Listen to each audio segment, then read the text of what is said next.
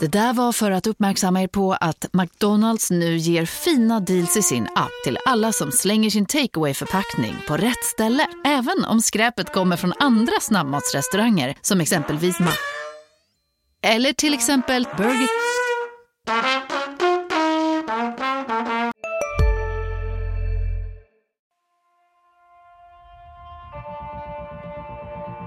De kan skriva mina citat innan jag ens säger dem. Så eh, där har vi en dialog. Vi, vi, vi har ambitionen att det ska vara klart eh, ganska snart. kommer man att se en mycket spännande fortsatt utveckling. Hur vi ska utveckla GIF Sundsvall. Det- Vi har en spännande utvecklingsresa. Mycket spännande utveckling. Han var klok nog att välja Sundsvall som nästa utvecklingsmöjlighet. Det är en spännande lösning. Spännande forward. Väldigt spännande central mittfält. Du lyssnar på GIF-podden. I den 85 matchminuten, Peter Wilson. GIF-podden är tillbaka med ett nytt avsnitt och det är i vanlig ordning jag, Lukas Salin. Det är jag, Oskar Lund. Och mindre ovanlig, mindre vanlig ordning Vill du presentera dig? Kane Dodson. Ja, känner ni till honom? Men Ja. är det 100 matcher, 18 mål? Vet ni, ni får jättegärna driva den här frågan. Därför att jag tror att det står... Jag tror att det står 98 enligt Svenska Fotbollsförbundets... eh, Men jag är ganska klar över att jag har gjort 100. När jag gjorde min sista match mot Örgryte borta, då klev jag in på plan och gjorde min 100 match. Men jag är bokförd för 98. Det här, Och är det ju inte gör att jag alltså. inte är stor giffare. Nej. Aha. Kan det vara, kan det vara cupmatcher som är, eller vad? Nej, nej, nej. Alltså vi, jag var ju själv med och tog fram kriterierna för vad en stor giffare skulle vara. Då, det var ju liksom... Då, ja, men det här var faktiskt lite Ja. intressant. Jag, jag kommer inte ihåg när vi gjorde det. Peter Larsson, dåvarande klubbchefen och jag satt ju liksom... Ja, vad är kriterierna för att bli stor, stor giffare.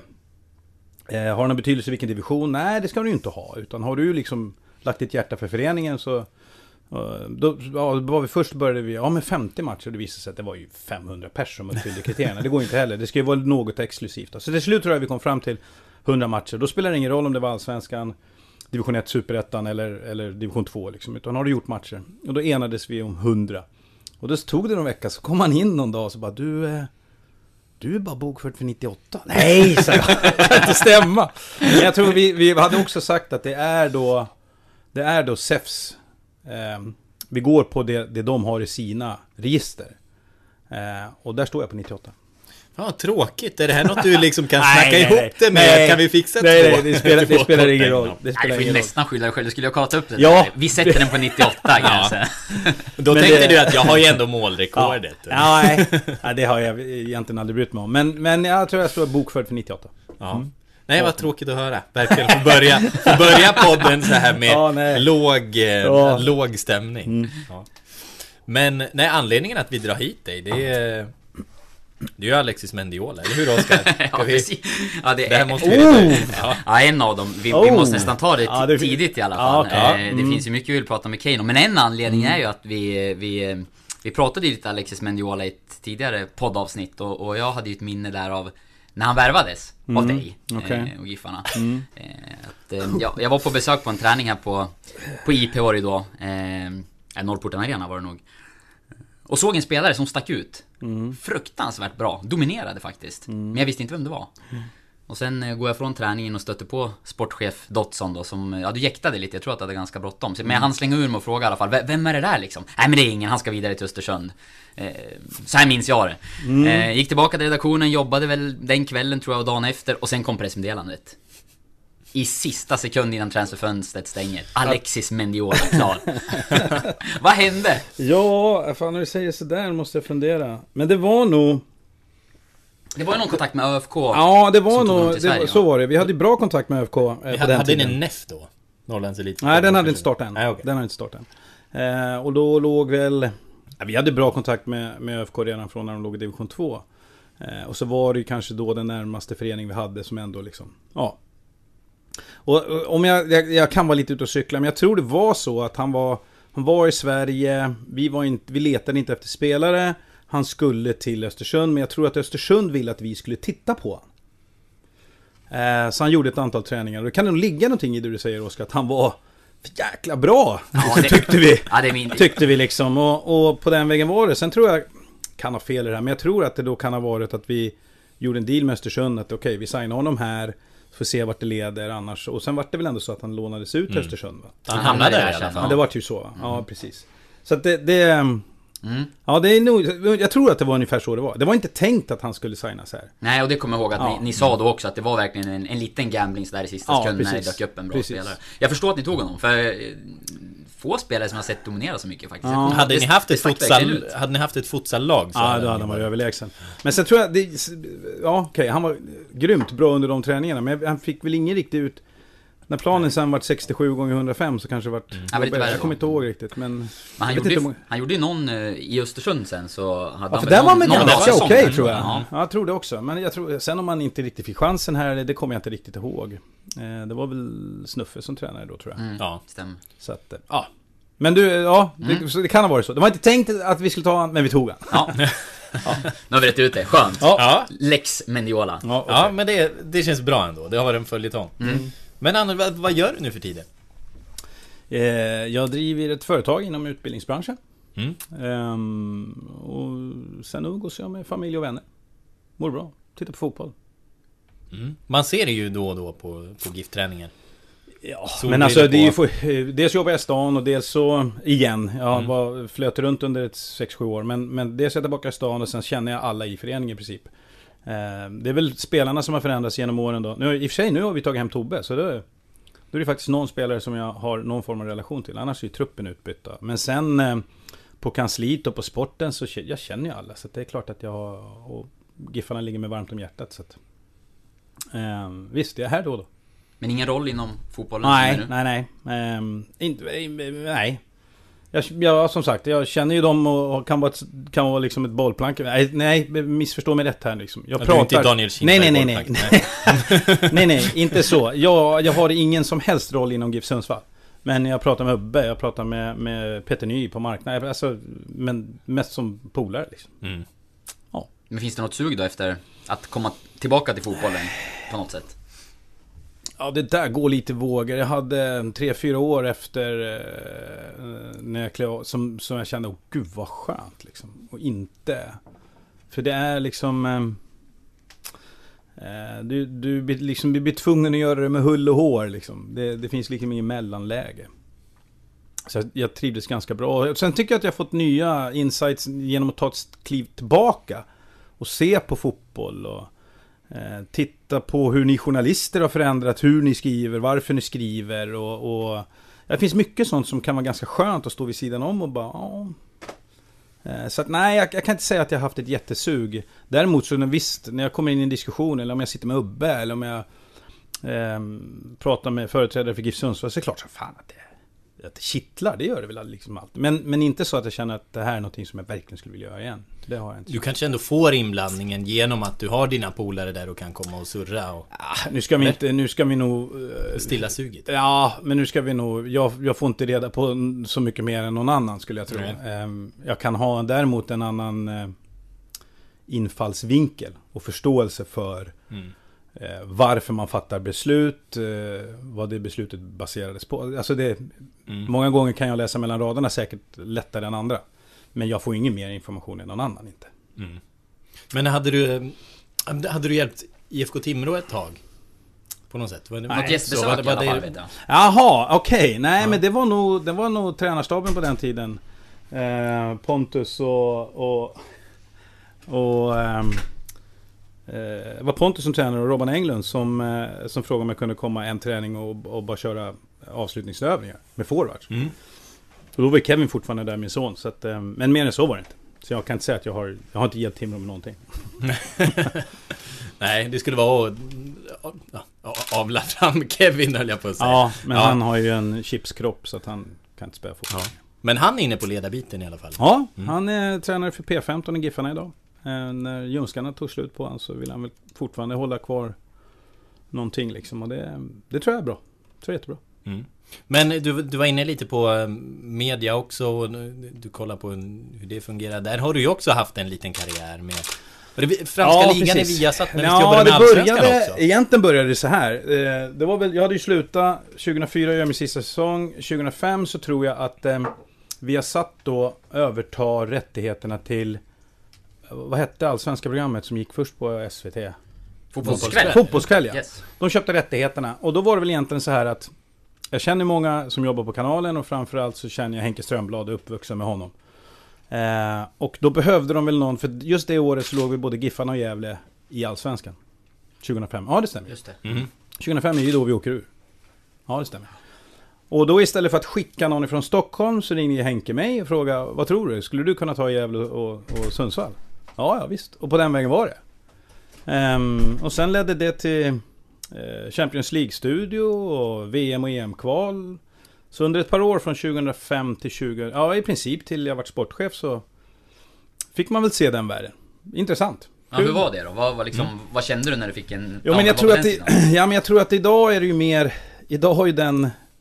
Jag läste din krönika, för jäkla mm. bra krönika. Vilken? Jag avsäger mig experttiteln ja. och mer konsult. Nej men den ja. är jättebra. För att idag har den ju blivit så mer personifierad liksom. Det började kanske med Glenn Strömberg och sen är det ju liksom experten ska vara ett namn och så vidare och så vidare. Liksom. Eh, och så var det ju inte riktigt då. Det var väl mer att man behövde, behövde få in folk som hade eh, någon form av erfarenhet av att kanske spela fotboll eller vad händer i omklädningsrummet. Det var, det var, inte, det var inte som det var idag riktigt. Um, utan det var väl egentligen en begynnelsen av det här med studio och, mm. och i och för sig hade ju Champions League-studion varit i ganska många år. Men, men det såg ju inte ut som det gör idag. Inte. Den kanske hade haft ett annat syfte. Tänkte, ja. I Tipslördag tryckte man in Peter Antoine mer för att väcka känslor ja, kanske. Precis. Det skulle vara ja, lite nu var det mer, kaxigt. Ja, nu hade tekniken kommit så långt så att vi kunde börja rita pilar liksom. Mm. ja, och förklara varför han springer dit och så vidare. Så att, um, men det var, det var kul. Det var det, definitivt. Mm. Även om jag tycker att det ser lite annorlunda ut idag som sagt var. Mm. Varför fortsätter det inte då?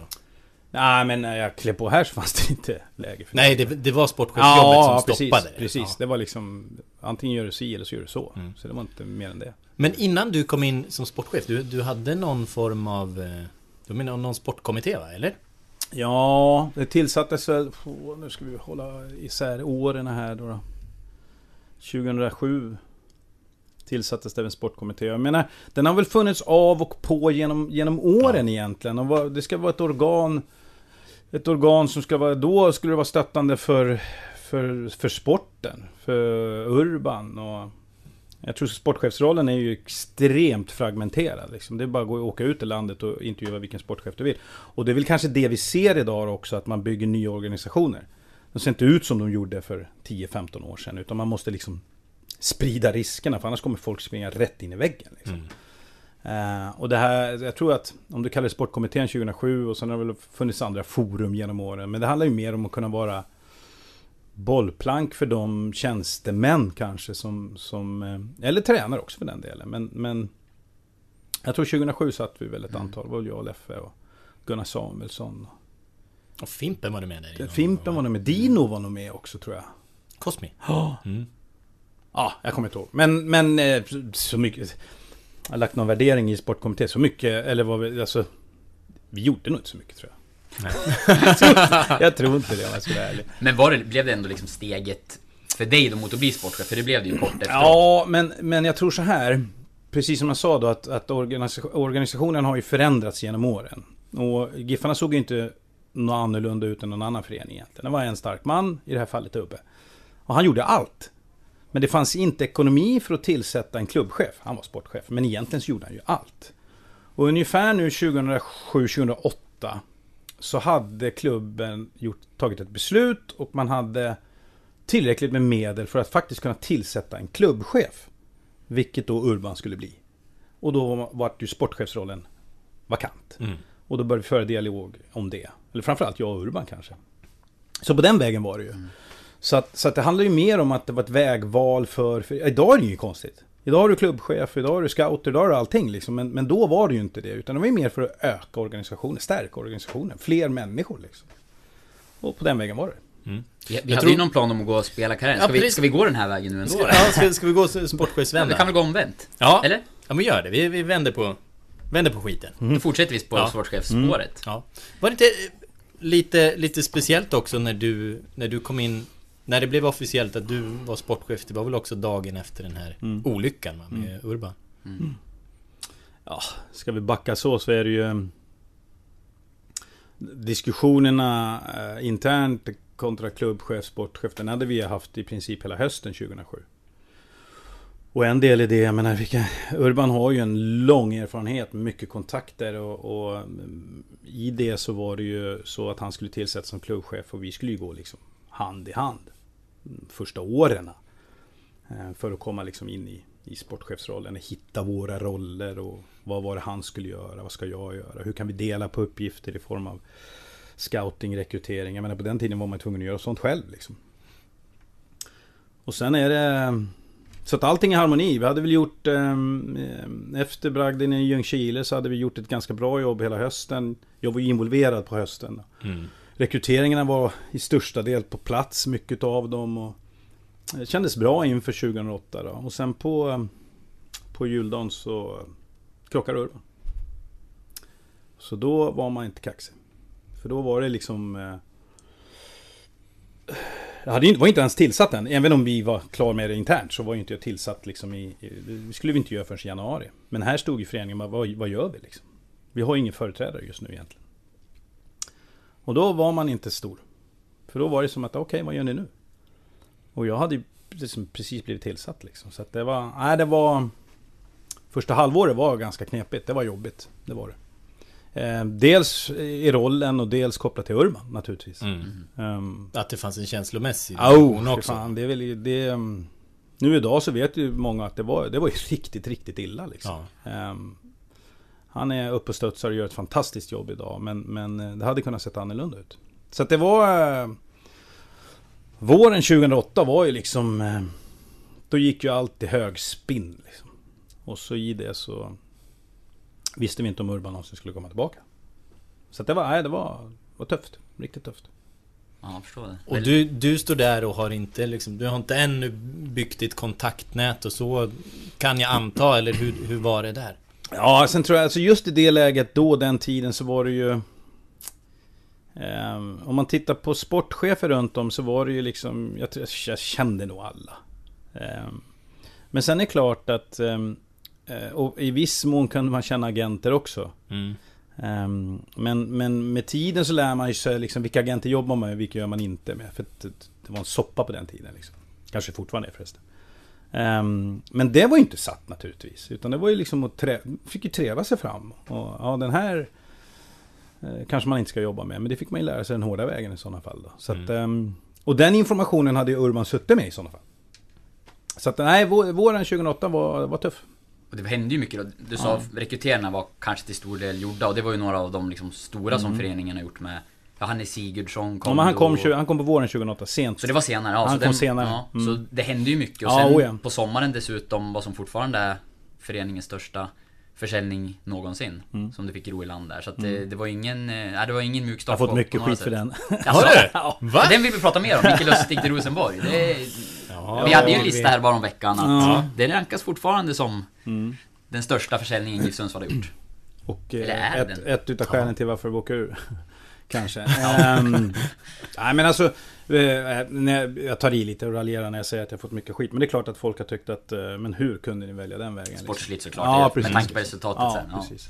Men det där, jag brukar säga det, det då, då då, fatt, då, då, förstår man inte mekanismen inom, inom sporten. För det är liksom inte att det är vi som förening som säger ja eller nej.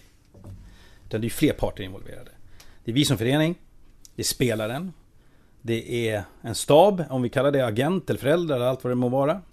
Eh, det är en motpart. Eh, och vi var klara över att vi skulle inte sälja Lusse. Det, det, det ville vi inte. Eh, I det här läget så, så befinner sig GIF Sundsvall i, i um, hierarkin ganska långt ner. Så att jag menar, ska vi sälja spelare så säljer vi spelare till andra allsvenska klubbar. Oftast liksom. Och kanske inte ens toppen av allsvenskan om vi ska vara ärliga. Liksom. Och så får vi fram en spelare som, och det här tror jag man måste förstå att, att som GIF Sundsvall ser ut som förening så vill ju vi Vi vill skapa en, en eh, eh vi, vill, vi, vill, vi vill skapa någonting där Lusse känner att här, hit kan jag komma. Det där spelaren kan komma och känna att här kommer jag utvecklas. Och ta nästa steg. Sen i det så vill ju naturligtvis föreningen då också ta steg så att när vi i på sikt, vi börjar väl komma lite dit nu då, men att vi inte behöver sälja till allsvenskan eller toppen av allsvenskan. Utan man kan ta steget och börja sälja ut i Europa. Men det är ju också en, en process naturligtvis. Då. Och i Mickes fall så var det ju ändå så att då, då kommer... Eh, eh vi, vi blir kontaktade, dels är agenter involverade och, eh, och så kommer att det är Rosenborg intresserade. Och då börjar vi helt, helt plötsligt prata om, nej men nu pratar vi inte allsvenskan längre. Nu pratar vi den största klubben i Norden då. Som är intresserade av vår högerback. Och vi eh, känner väl att nej, vi är inte riktigt intresserade. Men det är väl klart som tusan att här sker ju någonting mellan Rosenborg och Micke och hans agent. Och när då en spelare som har gjort ett bra jobb för oss börjar mentalt redan kanske under maj-juni landa i att det här är nästa steg för mig. Ska vi säga nej då som förening? Vad, vad, alltså hjälper det oss som förening att säga nej där då? Och ha en spelare resten av säsongen som är pissförbannad? Utan då måste man ju gå tillbaka till kammaren och titta på, okej, okay, sportsligt vad förlorar vi på? Ja, vi förlorar det här, det här. Ja, men allt har ett pris. Ja, men okej. Okay. Om vi nu ska sälja, då jäklar. Och sen tittar vi på liksom jag tror till och med då, på den tiden så, det gör man säkert idag också, jag tror vi tog oberoende eh, utlåtande från agenter, vad bör han ligga på? Och det är ingen, det är ingen kärnfysik det här. Jag tror att alla i branschen vet ungefär vad Oskar Lund ska kosta. Man vet vad Lukas ska kosta. Så att det är på, på, på ett ungefär. Men vi tog in oberoende och sa okej, okay, ska ni ha han, då kostar det så här. Och så tog vi som vi aldrig har gjort. Och så säger de okej. Okay. Jaha. Och nu är ju Mick, då har, liksom, då har vi tagit i, jag tror Micke från början tyckte nu tar ni för mycket, men så säger de ja. Vart, det går inte att bromsa det här nu. Spelaren är redan där mentalt, agenten är nöjd, Rosenborg är nöjd, jättefina förhandlingar var det, så det var inga konstigheter så. Och vi är nöjd. Alltså som förening är vi nöjd utifrån ett ekonomiskt perspektiv. Liksom. Nu tittar vi på när man budgeterar, man måste sälja för 5 miljoner.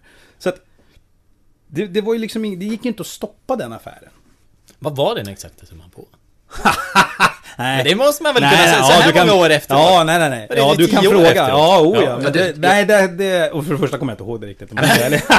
nej, men det, det tänker jag inte gå ut med heller. Även om jag hade, hade kommit ihåg exakt vad det var. Men... Ähm... Jag, vet, jag vet att du har sagt i alla fall att ni hade nobbat ett bud i 5 miljoners klassen tidigare. Innan äh, affären blev klar. Så vi kan ja, men det kan ju bekräfta. 8 miljoner är en siffra som det har spekulerats i i alla fall. Men... Äh,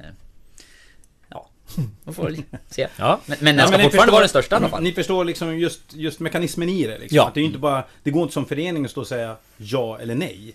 Utan det rör ju på sig hela tiden. Det är dynamiskt och spelaren börjar förflytta sig mentalt. Och då, då handlar det ju mer om att hitta en, eh, hitta en väg där alla parter blir nöjda. I det här fallet var alla parter nöjda. Sen kan vi då fundera på, ja, men vad hände sen då rent sportsligt? Vi tar ju ändå beslutet utifrån den summan vi får och tror att vi ska... Vi hanterar det. Antingen att vi har det inom föreningen redan, vi, vi, kan, vi kan tillsätta högerbacksplatsen. Eller att vi har tillräckligt med kraft rent ekonomiskt att kunna köpa ny. Men då ska man hitta den och det gör vi inte. Så det är ju inte så att en högerback nödvändigtvis var skälet till att vi åkte ur. Men det är klart att det fick ju en... Det fick ju en um, hände ju någonting i gruppen naturligtvis. Och vi fick inte samma effekt på hösten som, som vi hade hoppats. Så det är klart att det... Men jag tror att föreningen hade, hade fattat samma beslut idag. Mm. Men det är intressant. Ja men, ja, ja men tittar man på det nu så är det ju Sett till den här hierarkin som du pratar om så Det är ju inte många gånger man har varit i de där trakterna igen Så att ni var ju långt Långt ja, över i er nivå Och framförallt kopplat till vilken klubb det faktiskt var som ville ja. ha spelare från oss mm. Um, nu har vi alltid haft goda relationer med, med Rosenborg av naturliga skäl. Det ligger nästgårds och, och så vidare. Men just när de kommer och vill köpa våra spelare så är det klart att det, det, blir på en annan nivå.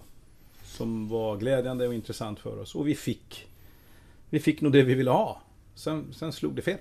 Det sportsliga beslutet blev jag lite nyfiken på en sån gång. Nu kanske inte minns exakt hur det var i det här fallet. Men, men överlag när man ska sälja en spelare, typ under ett sommarfönster. Mm. Internt liksom, hur går diskussionerna då med sportchef, tränare, hela staben att ja, men om vi säljer honom då tror vi att det kan få de här effekterna mm. och liksom hur mycket, hur många är involverade?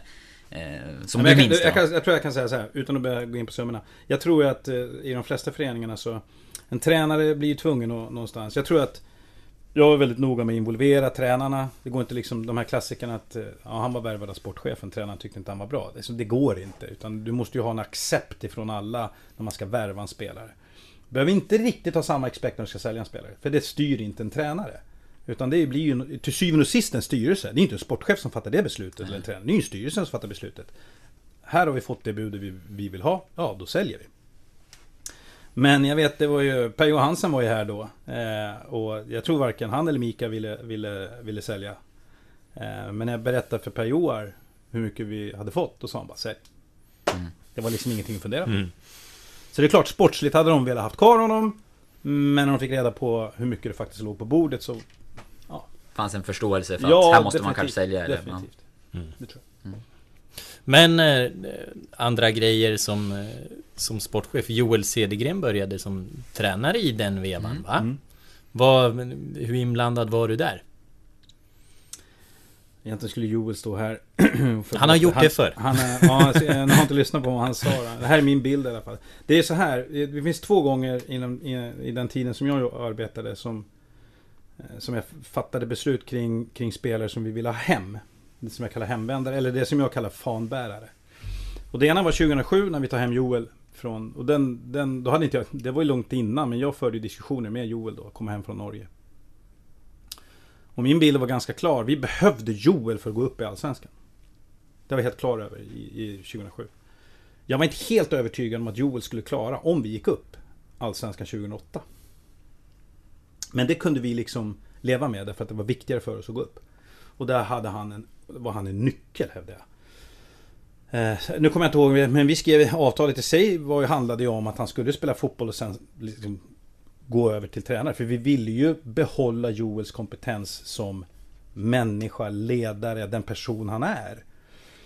Eh, sen spelade han 2007 och var den nyckeln som vi behövde för att gå upp och han spelade även 2008. Här vill jag tro att jag tryck ut honom 2009. Han kanske tror, tycker annorlunda. Eh, men, men han hade nog kunnat spela något år till då. Men jag tyckte att låt oss bygga om och låt... Jag tror att han tog hand om Tips 2009 redan. Kan ha fel i det. Nej, jag, jag, jag tror det stämmer. Jag, jag hade ja. jämnåriga, eh, minns jag, som ja. hade honom som jag tror, jag tror att vi förde diskussioner där. Han var inte helt klar efter degraderingen 2008 att han ville lägga, lägga ner karriären. Uh, min bild, min minnesbild kanske jag ska säga. Det är ändå att vi förde diskussioner och jag tyckte att... Uh, jag tyckte nog så här, vi kan klara oss utan Joel på plan nu. Vi får bygga om och hitta något nytt. Men vi behöver hans kompetens och låta honom starta sin resa till det vi faktiskt ser idag. Mm. Mm. Eh, och, och ehm, jag vet inte, Joel kanske ser det annorlunda. Vi får, han, jag lär väl få höra av honom. Så du forcerade fram slutet på hans ja, spelarkarriär? ja, det är väl den som jag är lite... Men jag tror inte han är ledsen av det idag. Men, men där och då kanske han inte var så nöjd över att jag tyckte att... Eh, fatta beslutet nu och, och, och, bli tränare istället. Ja, för jag läste lite gamla artiklar igår kväll faktiskt och, och det var ju verkligen att han funderade, ska jag spela eller ska jag mm. inte spela? Mm. Och att det var citat från dig att ja men vi pratade också om ledarroll och ja, mm. det var lite fram och tillbaka ja. där. Och sen landade det ju i mm. att han, han blev tränare då. Mm. Det, är, det är den ena fanbäraren som var oerhört viktig och vi gick upp. Den andra gången som, som jag var, och då gick jag faktiskt emot den dåvarande tränaren Sören Åkerby. Och det var 2011 när vi tog hem Stefan. För Snuffe visste inte riktigt vem Stefan var. Och jag tyckte att vi hade kommit igenom ett antal år där vi behövde bygga en ny identitet i, i gruppen och där var Stefan oerhört viktig. Eh, för att få hem en fanbärare liksom. Och jag slet länge. Jag började i med jag hade ju sålt, Vi hade ju sålt honom till Kalmar och dåvarande klubbchef Svante Samuelsson. Eh, och sen i, på hösten 2010 redan Oktober, november, december så ställde jag frågan igen. Ja men kan vi ta hem honom nu? Nej, nej, nej. Så nej fan. Han ska vara kvar. Ja, och sen så ringde jag väl igen i januari. Kan vi ta hem honom nu? Nej, nej, nej. Fan, han, ska, han ska vara kvar. Och sen så ringde jag i februari. Men du Svante, kom igen nu. Ja. Här hände något. Nu öppnades en liten dörr. Men då var inte Stefan klar över att flytta hem. Han var nog inte riktigt mentalt beredd på det. Så då tog det en månad till och det... Nu har det gått så lång tid så nu kan man lite anekdoter i det här. Vi åker till Cypern tror jag. Och Kalmar åker till, till eh, Turkiet. Eller om det var tvärtom, det kommer jag inte ihåg. Och vi i princip står på flygplatsen, varsin flygplats. Men vi hörs när vi kommer hem. Och sen när vi kom hem så hade väl han någonstans landat nere på träningsläget att eh, de kommer förmodligen inte satsa på honom. Så när vi kom hem då Mars kanske. Någonstans. Mars, april. Eh, nej, mars måste det bli. eh, 2011. Då flög jag ner till Kalmar. Och den här har vi skrattat åt efter jag och Stefan. För då kliver jag av ett plan i Kalmar och Stefan står i vänthallen och väntar på mig. Och så kliver vi in i hans bil. Det hade ju kunnat bli jätteknepigt det där. Men det gick bra. Så vi åkte hem och så pratade vi ihop oss. Och sen några dagar senare stod han här. Och så gick vi upp. Ja. Och det var en sista minuten-värmning då. Presenterade kort in på Ja, det, seriestart tror jag. ja, det är Men här men är jag hade inne- hållit på i Mm. ett halvår. Ja, Här är du inne på en sportchefsvärvning ändå då? Eller? Ja, ja det, men det är den enda jag har Hur gjort. pass insåld Ja, men han? det, Ja. det, det är den enda jag har gjort. Därför Ja. att Snuffe var inte... Snuffe Nej. ville ha... Eh, nu kommer jag inte ihåg vem. Han, vill, han hade snöat in sig på en eh, mittback i Norge. En afrikan. Han ville ha en vänster, vänsterfotad mitt inneback. ah. Så han hade snöat in sig på den. Jag trodde till och med att vi hade varit och tittat på, på honom. Jag kommer inte ihåg vem det var. Men jag var helt klar över att vi, vi måste ha hem Stefan. Men jag tror att, och det kan man säkert kolla med Snuffe. Snuffe kom ju till mig ett antal månader in i 2011 sa okej, du hade rätt. För att han tog med sig någonting Även om, om Stefan är ganska lugn och så, så tar han med sig någonting i, i omklädningsrummet. Han var med en viss ålder, han hade en viss erfarenhet, han är från stan. Han har spelat här tidigare, han är minutiös i allting han gör. Inte helt olikt Joel Cedergren. Eh, och det sänder liksom signaler in i ett omklädningsrum och det var liksom det vi var ute efter. Jag ramlade faktiskt över ett eh, snuffecitat om Olander igår eh, när jag sökte lite på dig och då, då framgick det att han var nöjd därför Ja. att han sa att eh, Olander hade utvecklats under tiden i Kalmar och det var någonting i stil med att han var som en Fiat när han gick. och, och nu är han som en, jag vet inte om han sa Ferrari, men, men han, hade, han såg Ja. en utveckling i alla fall. Ja. Så ja, han... Nej men det, men det är faktiskt enda gången som jag har gått... Mm. Som jag sa, då sa jag verkligen nej. Vi tänker inte ta den här mittback från Norge, vi tänker ta Stefan. Ja. Eh, Men annars så har jag aldrig värvat en spelare som inte var helt förankrad med en tränare. Mm. Men om man ska... Joel där också förresten, innan... Vad såg du hos honom som, som ledare? Redan då? Var, var var han då? Du har ju sett hela men då resan. var han ju ingen... Jo men Joel har ju alltid varit en ledare. Men sen kan han ju eh, historiskt Ledare och tränare. tänkte jag. Ja, Mm. eh, precis. Men eh, redan... Vi kom ju samtidigt 2000. Ehm, sheriffen, kaptenen. Han, han har ju den auran. Det som, det som eh, kanske har kommit fram idag, men som vi som känner honom, eh, han, det är en oerhört nyfiken man det här. Det är kanske det, därför vi ser det vi ser idag liksom.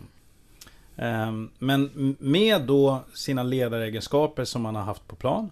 Med sin nyfikenhet att titta på hur kan man förädla fotbollen? Hur kan jag bli en bättre ledare? Så för mig var han ju som klippt och skuren. Det här är ju någonting...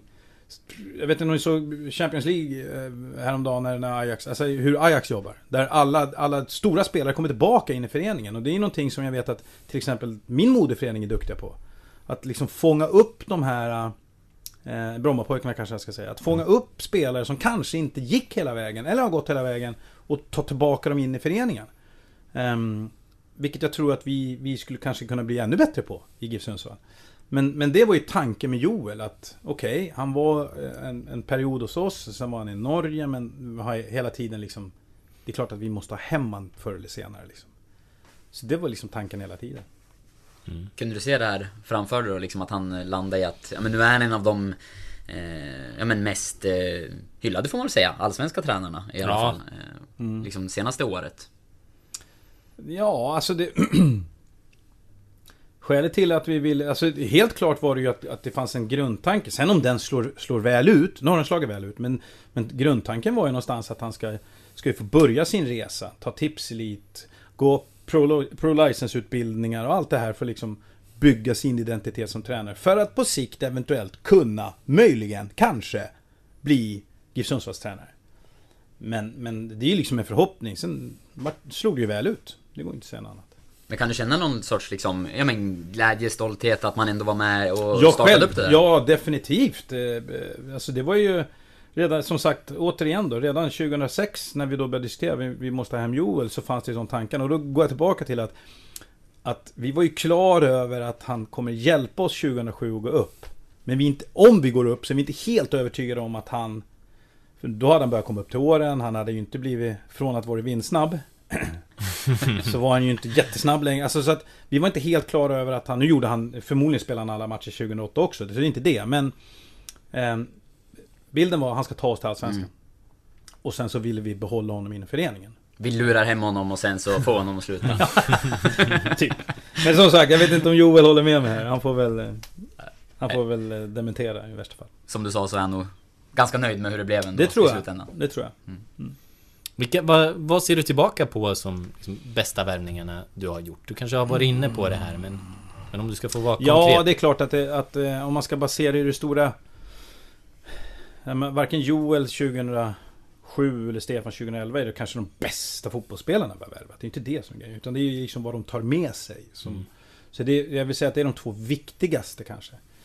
Ehm, bästa? Ja, det beror på vad man ska lägga värderingen i bästa. Du har ju en från division 3, har du inte det? Precis. Mm. Om vi kan ta Padibba så är det ju liksom... Den... alltså, det finns en initialkostnad som är extremt låg. Eh, det finns, eh, det finns en, en löpande kostnad som är relativt låg. Vi har ett sportsligt utfall som är jäkligt bra. Han tar steg och sen, vilket i och för sig är efter min tid, men ändå. Och sen säljer vi honom för en bra slant. Ja, det, det är ju en bra värvning. Det är bra sportchefsarbete. Ja men precis. Alltså, ja nu var inte jag med och sålde honom. Så vi, Nej, bara men- så att vi är mm. noga med det. Men, men om man ska titta på vad som är bra värvningar. Sen kan det ju vara... Eh, Ari Skulason. Det var ett fint utfall. Det är ju också ett, Mm. fint utfall. Ehm, den som jag tycker är lite mest... Den som är kanske roligast ändå. Eh, det är ju faktiskt en, en hemsnickrad eh, spelare. Eh, som tog en, en liten annorlunda väg till, till där han är idag. Eh, och det är ju Robban Lundström. Mm. Mm. Som ehm, fastnade lite, fick inte A-kontrakt, skulle vi köra Medskogssvängen, tyckte inte att Medskogssvängen var för honom. Kommer inte ihåg hur gammal han var då, men är han inte 89 eller? Jo. Stämmer. Eh, så han gick väl till IFK Timrå. Precis. Var väl liksom mentalt tyckte väl livet inte var så jävla kul. Eh, och sen så gjorde han väl kanske bara ett halvår i Timrå. Sen så tog vi hem han igen och, och eh, var väl en bra truppspelare. Och växer ut till det han blir.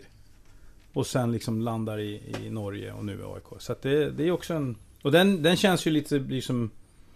Det är säkert, vi, vi kanske gjorde fel från början men utfallet vart bra. Um, och sen är det en kille från regionen och det är alltid kul. Liksom. Känslomässigt måste ju de, den där typen av liksom, ja men res, för han, som hans väg som du säger är ju lite speciell med tanke på Ja. att Ja, kanske vara på väg och, och plana ut där då och sen så komma tillbaka och få en ny kick och så Ja, precis. Verkligen tagit Ja men en an, annorlunda väg till Ja. att vara nu i toppnivå i, i Allsvenskan när ja, han blir hel igen då får vi Mm. hoppas. eh, För det var han blir han det förresten? Snart hoppas vi. nu. Det har gått ett år nu va? Ja, det Ja. måste fan vara dags. Det var, ja, knappt ett år måste det vara. Det var, han hann väl göra 4-5 Man matcher har ju gjort fjol, en försäsong. Sitter han med, sitter han med i matchtrupperna? Här har jag inte kollat. Nej, inte helt uppdaterad. Jag, vet, jag, jag träffade honom en sväng i, i julas och då var han väl eh, på väg tillbaka till full Ja. träning men inte riktigt eh, igång. Så att det kan väl ta en bit in kanske på Mm. våren. Men Mm. snart hoppas vi får se honom igen. Ja. Mm. Men Medskogsbron annars? Vad, vad tyckte du om att ha en sån lösning? Ja, man blir klokare när man blir äldre. Alltså det fanns ju, det- de beslut som fattades där då fanns ju ganska klara själv varför. Vi, eh, jag tror att vi, vi ville, vi, vi var, våra juniorer var riktigt bra, bra skolade. Ehm, tyckte inte att vi fick kanske det utfallet vi ville ha att spela juniorfotboll. Ehm, eh, och ville liksom tuffa till grabbarna och fick en miljö. I den perfekta världen, nu är det ju inte så, men i den perfekta världen skulle man ju vilja ha någon, en förening i någon division under. Ehm, spelar man allsvenskan kan jag tänka mig division 1. Man kunde liksom gå emellan hela tiden. Ehm, men det fanns ju, utan eh, grund... Grundtesen var väl att vi, att vi, vi trodde på en tuffare miljö. Idag är jag inte så säker på att, att det var rätt beslut. Ehm, ja, det är en tuffare miljö. Men fotbollen är inte tillräckligt bra. Ehm, så att jag vet inte. Den där kan man väl fundera i all- i all evighet. Mm. Grund, grundtanken var ändå liksom få, få tidigare komma in och spela seniorfotboll. Mm. Men, men att spela division 3 vet jag inte så här i efterhand om det var jättelysande. Liksom. Det hade ju behövts en klättring. Förstås. Ja, Men- precis. precis. Så Vad att, tänker eh, du idag då? För nu har ju GIF Sundsvall inget u lag den här säsongen då, Nej. till exempel. Nej. Och liksom då, då blir det ju verkligen juniorfotboll Mm. om man inte spelar i, i A-laget. Mm.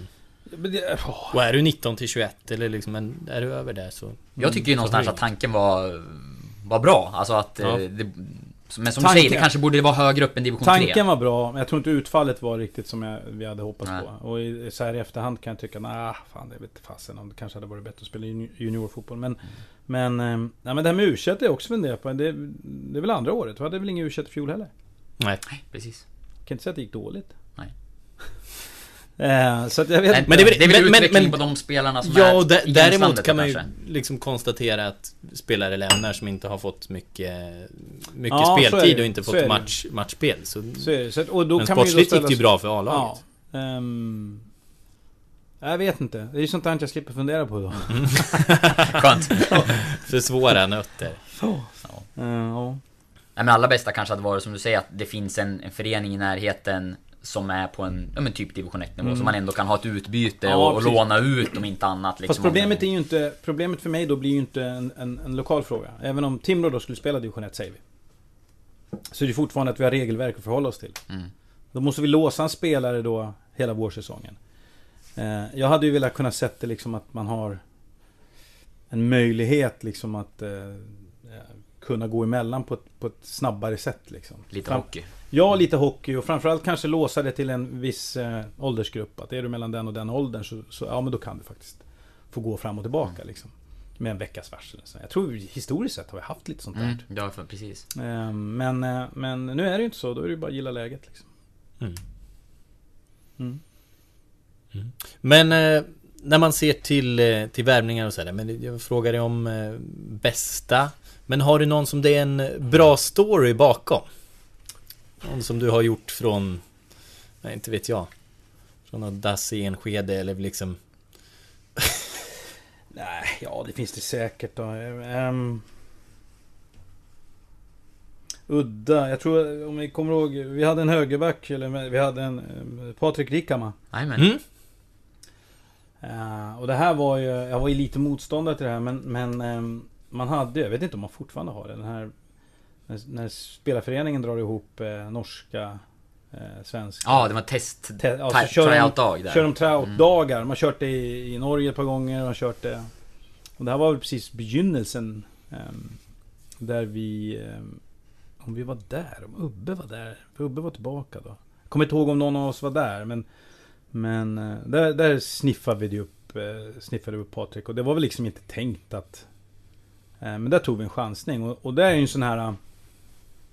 Patrik gjorde ett fantastiskt jobb när han var här. Um, var det världens bästa fotbollsspelare? Nej, det var det inte. Var det världens bästa kille? Ja, det var det. Du, du kunde liksom, du visste precis vad du fick ut av honom. Han var minutiös i allting han gjorde. Han var oerhört professionell i det han gjorde. Um, och gjorde han tre säsonger? Fyra? Tre? Ja, ett gäng i alla fall. Jag minns ja. mest att jag, han sålde, ett, eller var inblandad i sådana här löpar... De är, finger... Vad heter de? Toe fingers? Ja, eller ja sån här tå, ja, ja, tåskor. Tåskor, ja. ja. Det kommer jag ihåg. Barfota, för barfotalöpare. Ja, men, men egentligen så kan man ju säga att eh, i all... All, all form av värvning, att, att titta om en spelare är bra eller dålig. Det är väl kanske det minsta problemet. Det kan vi skicka Oskar eller Lukas till och säga. Mm. Utan det stora arbetet handlar ju om att okej, okay, men vem är han? Hur mår han? Hur mår hans fru? Flickvän? Pojkvän? Har han hund? Eh, vad har han gjort tidigare? När tycker han att det är jobbigt i livet? Och så vidare och så vidare och så vidare. För att liksom bygga pusslet när du ska sätta ihop ett lag. Om jag ska säga någonting under de åren så är det ju att vi hamnade snett ett par år, sen satt vi fast i avtal och sen hade vi liksom inte en... Eh, det var en trupp som inte var i... Det var en fantastisk trupp. Alla mådde bra liksom. Hej, kul. Men den var, den var inte harmonisk nog för att ta steget upp i Allsvenskan. Det hade vi första gången 2011. Tog hem... Eh, eh, tog hem Sundsvallspojkar av Pontus och Kevin till exempel. Eh, de var ju inte... Här förde vi också diskussioner utifrån att okej, okay, Pontan hade ju inte... Det var ju inte en jättetrack record han hade liksom. Och, eh, men vi trodde att nej, han kommer, han kommer göra det som vi spelar och, och den fotbollsspelare han är och den djup, djupgående forward han är och så vidare. Kommer han passa perfekt. Kevin hade ju liksom suttit på kvisten en hel del i AIK liksom, och fick ju inte möjligheten då. Um, det där och, uttrycket. Kvisten. Kvisten. Det kanske, Axén pratar om det. Det kanske är Stockholmsuttryck. Jag vet inte. tror. Ja, alltså det var bänken. Ja. Uh, ja men det är ju en träbänk. Ja. Jag kör kvisten. Det är kvistar i träbänk. Mycket bättre. Men det var en snackis på upptaktsträffen i år. Axén pratade om den där kvisten hela tiden. Hej, Synoptik här. Så här års är det extra viktigt att du skyddar dina ögon mot solens skadliga strålar. Därför får du just nu 50% på ett par solglasögon i din styrka när du köper glasögon hos oss på Synoptik. Boka tid och läs mer på synoptik.se. Välkommen! Var du än är och vad du än gör så kan din dag alldeles strax bli lite hetare. För nu är Spicy Chicken McNuggets äntligen tillbaka på McDonalds. En riktigt het comeback för alla som har längtat. Ingen visste vad han menade med kvisten. Nej men så, och, och så fick vi in Steva, så att jag menar... Vi, vi fick eh, just, om man ska känna någon, någon glädje i någonting så är det just att man, när man, när man får ett lag i fullständig harmoni. Sen liksom, ja han kan hatta till tre eller han kan göra en överstegsfint. Det är inte det som är grejen utan fan det klickar. Pusslet får, går ihop liksom. Och det var, det var verkligen 2011 när tåget bara gick. Det bara gick och gick och gick och gick och vi, vi kände själva fan vi får inte stoppa det här är perfekt. Kör bara liksom. Hur känner man då när man fått liksom vara med och bygga det där och så slutar i ett allsvenskt avancemang och ja. Ja men det är klart att det... Ja för det är också bra värvningar får vi säga. Absolut. Mm. Ja men det var ju liksom. inte, jag tror inte att det, vi ska påstå att det var en sån här spektakulära värvningar. Det var ju liksom det, jag tror som fans tror jag inte att, utan då får du stå som företrädare för, för klubben och någonstans bara hemvävt och nu kommer Sundsvalls killar hem och bla, liksom. För att, jag vet jag kan inte tänka mig att patronerna stod på barrikaderna över dem liksom. Säkert mer med facit i hand än vad det Ja, var kanske då innan. men då Ja. var det nog kanske inte det. Men, men vi var ganska klara över att, ja, fan, det här, det här, blir, det här blir bra. Ehm, sen ska vi klart för oss att det kom ju en... Det kom ju en Emil upp i det där samtidigt också liksom och... och ja men det, det, det klickade rätt liksom. Ehm, och det, ja det, det var skönt. Jag måste få nämna, apropå Rikama, han hade ett av de, de mest spektakulära citat jag någonsin har fångat upp. Och det var när hans kontrakt höll på att gå ut och han hade väl inte spelat på hela den säsongen i princip. Så frågade jag honom, hur, ja, men hur, hur känns det nu? Liksom, vad tänker du över din säsong? Och då sa han att Det känns som att någon har hängt in min Spindelmannen-dräkt i garderoben. Men som tur är vet jag att den hänger där. Och jag ska ta fram den igen, något sånt där. Och han... eh, Ja, och sen återvände han till Mariehamn. Sen slutade han ganska tidigt. Vilken, han satsade po- väl på vilken sin... poesi! Ja, det är fantastiskt. Ja, åländsk poesi. Åländsk poesi! Nej, han var, han var fin. Ja. Allt, alltid glad även Ja, om det blev som det blev. Ja. Ja, otroligt. Några, några som man måste påminna dig om också. Mm. Kajo och Dori. Ni började med något brasilianskt samarbete. Ja, Fluminense va?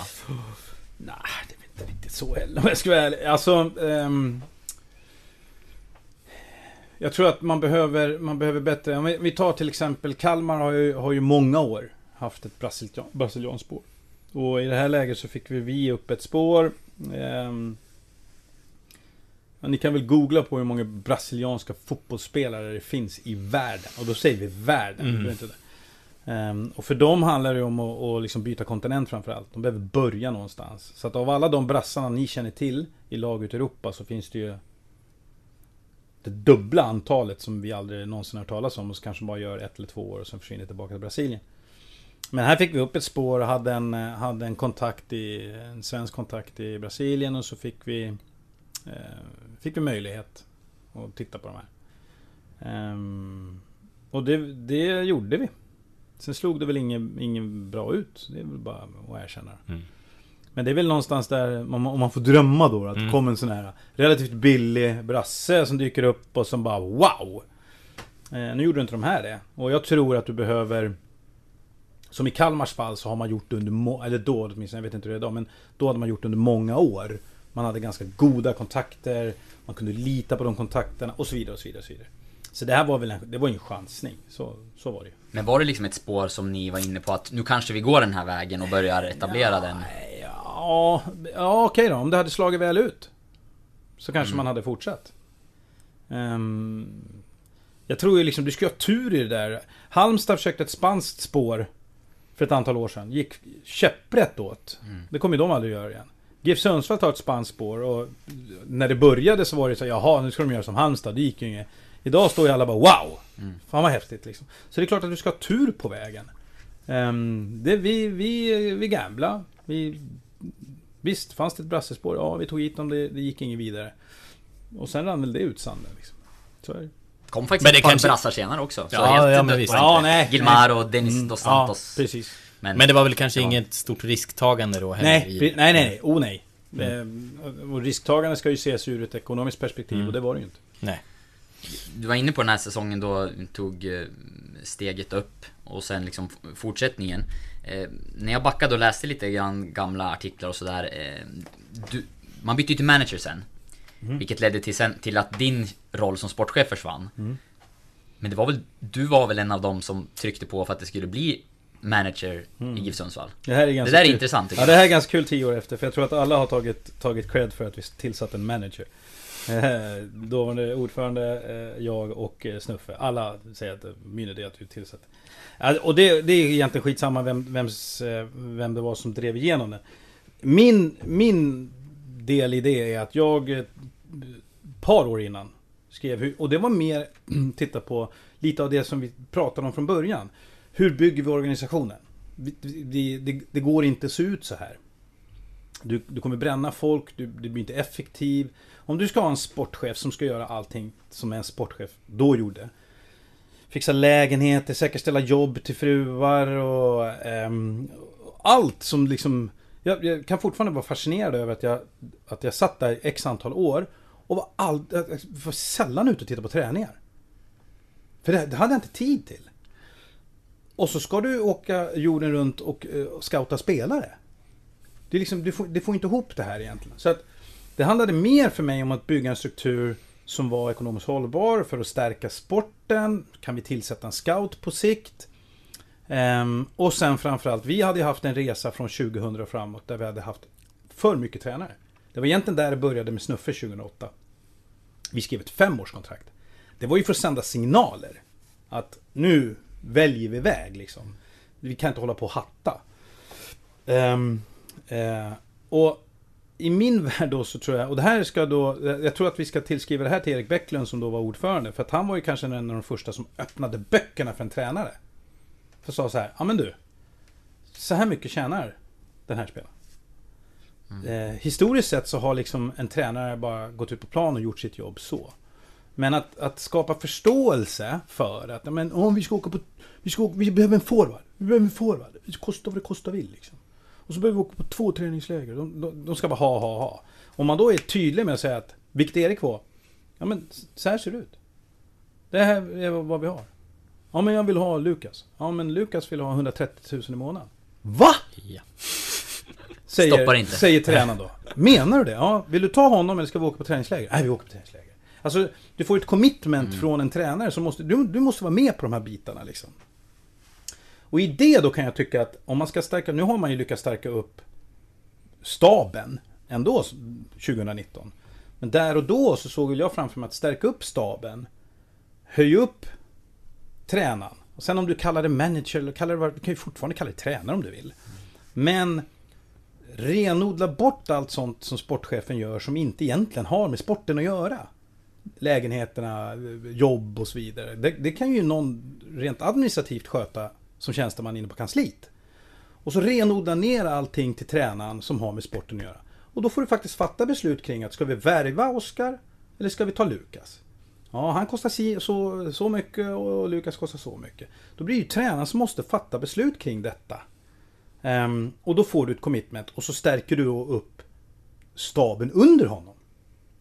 Och då försvinner ju för mig sportchefen. Och det var ju du. Mm. Ja, men det var inte det som var grejen. Utan I min värld var det mer om att hur ser hur ser den, den strukturen ut? Liksom? Hur, hur, skulle den kunna se ut? Liksom? Um, eh, sen, med det sagt sen så är det ju fortfarande en styrelse som driver igenom om man ska fatta beslutet att tillsätta en manager. Mm. Så att... Eh, ja. Där har du bakgrunden. Liksom. Så att för mig var det liksom aldrig någon fråga om, om ditt jobb. Då. Det var inte det som var li, li, grejen. Liksom. Sen om man ska fatta det beslutet när jag fortfarande var sportchef eller om det skulle fattas tio år senare. Det var liksom... Det var ovidkommande för mig. så Utan det var mer att titta på. Och egentligen så var det ju inte bara jag. Utan vid den här tidpunkten från 2008 framåt så, så träffades alla sportchefer i Superettan och Allsvenskan. Ganska frekvent. Vi läste juridik, förhandlingsteknik eh, och framförallt var det ett forum som var helt grymt att träffa människor i samma... För det gick inte att prata med någon annan som visste vad vi faktiskt gjorde på dagarna. Men här träffas då 32 sportchefer som hade samma situation allihopa. Och det var ju någonstans ur det här det föddes för mig liksom att... Ja, det ser likadant ut för Jens Andersson i AIK som det gör för mig. Det ser likadant ut för Stefan Andreasson i Elfsborg som det gör för mig. Men alla är överens om att så här kan vi inte hålla på. Så att därav föddes ju liksom idén om att göra en organisationsförändring. Men det är styrelsen beslut att, att liksom fatta beslutet när man ska göra det. Så ja, där var en bakgrund på det. Mm. Sen, så, Men du kan ha offrat dig och sågat av din kvist? Ja, Eller? nu kom kvisten tillbaka där. Ja, Nja, offra mig. Det för mig är fortfarande... Ja, Giffarna ligger mig varmt om hjärtat. Jag tror fortfarande... Och nu tror jag att man är... Eh, vänta något år eller två och se hur organisationen ser ut. Så, så tror jag liksom att... Eh, man är ju på väg Många av de delarna som vi pratade om då har man ju, till, har man ju tillsatt nu. Man är en bredare organisation. Alltså eh, tränare. Eh, man har tillsatt en scout. Eh, så att liksom vi... Eh, organisationen förändras ju över tid liksom. Och det där du beskrev om tränare, jo, Joel Serien har ju liksom en större roll också än den klassiska tränaren som bara går ut på planen Precis. och håller i träningen. Precis. Ja, de har satt en röd tråd som gäller Precis. långt mer än bara A-laget. Mm. Precis. Mm. Uh, oh. Om man, om man blickar tillbaka på sportchefskarriären så var det ju också en, en kontrovers som dök upp där du, mm. då, då åkte för rattfylla. Mm. Hur, var, hur ser du tillbaka på det här nu? Nej, det får jag ju leva med resten av livet. Ja. Så är det ja. um, det, var ju, det var ju liksom bara... Det var ju... Dels kan vi koppla det till GIF Sundsvall naturligtvis som var, var förkastligt. Men sen är det ju mig som person och min familj och så vidare. Mm. Så det... Det var... Nej, det var inget... Det var ingen rolig period men, men Det är ju bara liksom, du får stå upp och ta det. Mm. Det, liksom, det var inte svårare än så egentligen. Fast ja. det var tufft men det, ja. det, så är det Ja, det fick... Det fick ju följder för dig med... Du förlorade väl körkortet då en, en mm. tid. Hur, hur mm. funkar det? Ja, det för sportchefsjobbet liksom? Ja, men det var ett mindre problem. Nej, det var ett mindre problem. Det var, det var liksom ingen stor sak mm. i sig. Eh, vi var fler, fler om det och liksom åka och titta på spel. Så det, det var inte... Nej, det hade ingen som helst betydelse. Hur upplevde du att klubben liksom hanterade den situationen då? Och dig, där och då? Nej, jag fick, jag fick, jag fick en enorm stöttning. Så det var... Um, jag, kan, jag kan inte... Jag kan inte säga något annat än att jag är tacksam att, att jag fick den stöttningen och jag fick jobba kvar. Mm. Mm. Ja, för de, de hade någon form... De uttryckte att de hade någon form av handlingsplan va? Men hur... Vad var i, vad var i det? Ja, men jag fick gå, jag fick gå och prata med folk. Um, vi hade liksom möten vart efter för att liksom... Bara checka upp att... Det blir, det blir, blir stort det, det, det fanns en handlingsplan mm. men, och, och... Handlingsplan. Ja, det, det är ordet ja, man använder utåt ja, i alla fall. Ja, precis. Ja. Jo, men det blir man väl tvungen att göra också. Det har jag all respekt för. Så det var, ja. det var... Men nej, det var, det var inget roligt och den får jag... Som sagt, jag får ta ansvar för den resten av livet. Så är det ju. Mm. Vad var det som hände då? Och vad kan man ta liksom, vad är lärdomen nej, man kan hände, ta? Det, det är vi ganska klara över vad som hände. Så att, och lärdom, eh, sätt aldrig bilen. Ja. Det är väldigt enkelt. Ja. Jätteenkelt. Mm. Så behöver man inte gå närmare djupare in på det än så. Nej. När du sen lämnade föreningen, vi var nyss inne på det. Mm. Eh, organisationsförändringar och sådär. Mm. Liksom hur, det uppbrottet som blev då när du gick mm. från föreningen. Hur liksom upplevde du det där och då? Du berättade idag att du har starka känslor till liksom, ja men Giffarna och så. Var ja, det så då också? Nej. Eller fanns det något, liksom, Nej, absolut var, inte. Hur var det? Nej, absolut inte. Och i, mentalt var jag ganska klar. Alltså, vi, hade, vi var ju tillbaka i Allsvenskan.